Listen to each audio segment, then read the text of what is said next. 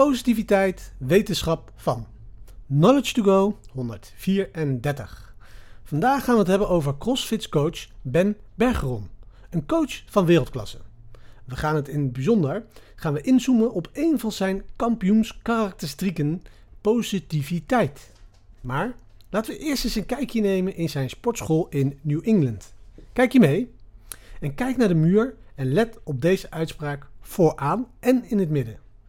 Nooit janken, nooit klagen, maak nooit excuses. Roger, we snappen het. Dit is de essentie van positiviteit. We zeuren nooit, we klagen nooit, we maken nooit excuses. We richten ons op wat binnen onze controle ligt. En dat doen we en dan doen we ons best om het te verbeteren. En trouwens, Matt Fraser is de vijfvoudige fitsman van de wereld. Hij is de ultieme CrossFit kampioen. Hij heeft gewonnen in 2016, 2017, 2018, 19 en 20. Hij is een beest. En, eventjes side note, hij eindigde als tweede in 2014 en 2015. Toen huurde hij Ben Bergeron in en sindsdien heeft hij niet meer verloren. En weet je wat hij op zijn linker schouder heeft getatoeëerd? Het sereniteitsgebed. God, geef me de sereniteit om de dingen te accepteren die ik niet kan veranderen, de moed om de dingen te veranderen die ik kan en de wijsheid om het verschil te zien. Dus terug naar positiviteit. Ben maakt het punt dat je niet op je best kunt presteren als je negatief bent. Je bent langzamer en je bent minder precies. En op het hoogste competitiemoment, op competitieniveau, verlies je. Punt. Hij vertelt ons. Een optimistische mentaliteit is een onderscheidend kenmerk van elite atleten.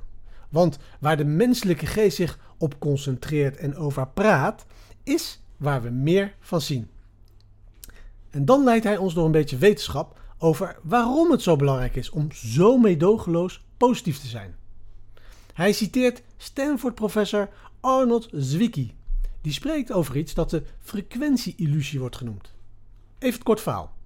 Er zijn twee processen aan het werk die deze frequentie-illusie vormen: selectieve aandacht en voorkeur voor bevestiging. Hier is een eenvoudige manier om te begrijpen hoe ze samenwerken. Denk, als je een keer een auto hebt gekocht, aan de laatste auto die je hebt gekocht. Heb je toen een heleboel van diezelfde auto opgemerkt toen je die auto net ging kopen of net had gekocht?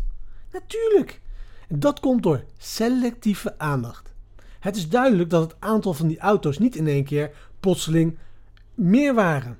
Maar wat gebeurt er? Je richt die aandacht op die specifieke auto en je onderbewustzijn nam in feite het aan als een opdracht om aandacht te schenken aan die variabelen in je omgeving. En voilà, je ziet ze overal. raad eens, dat is precies hoe het werkt met positieve of negatieve dingen waar je op focust.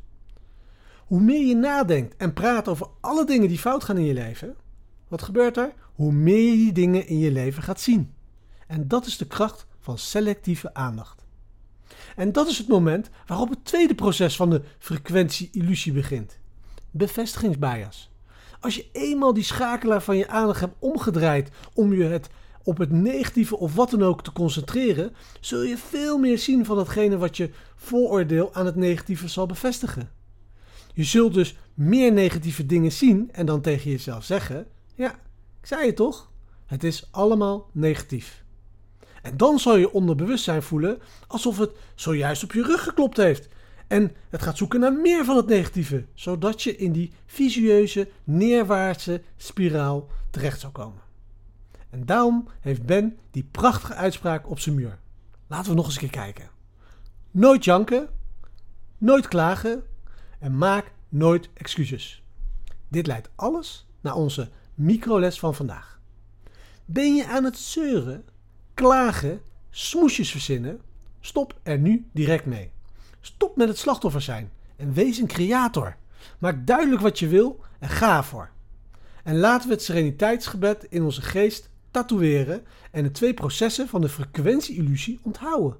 Terwijl we doelbewust onze selectieve aandacht gebruiken om de optimale voorkeur voor positiviteit te bevestigen en te creëren. zodat we een duidelijk, een deugdelijk spiraal helemaal mogen creëren en uiteindelijk terechtkomen bij ons oneindige potentieel.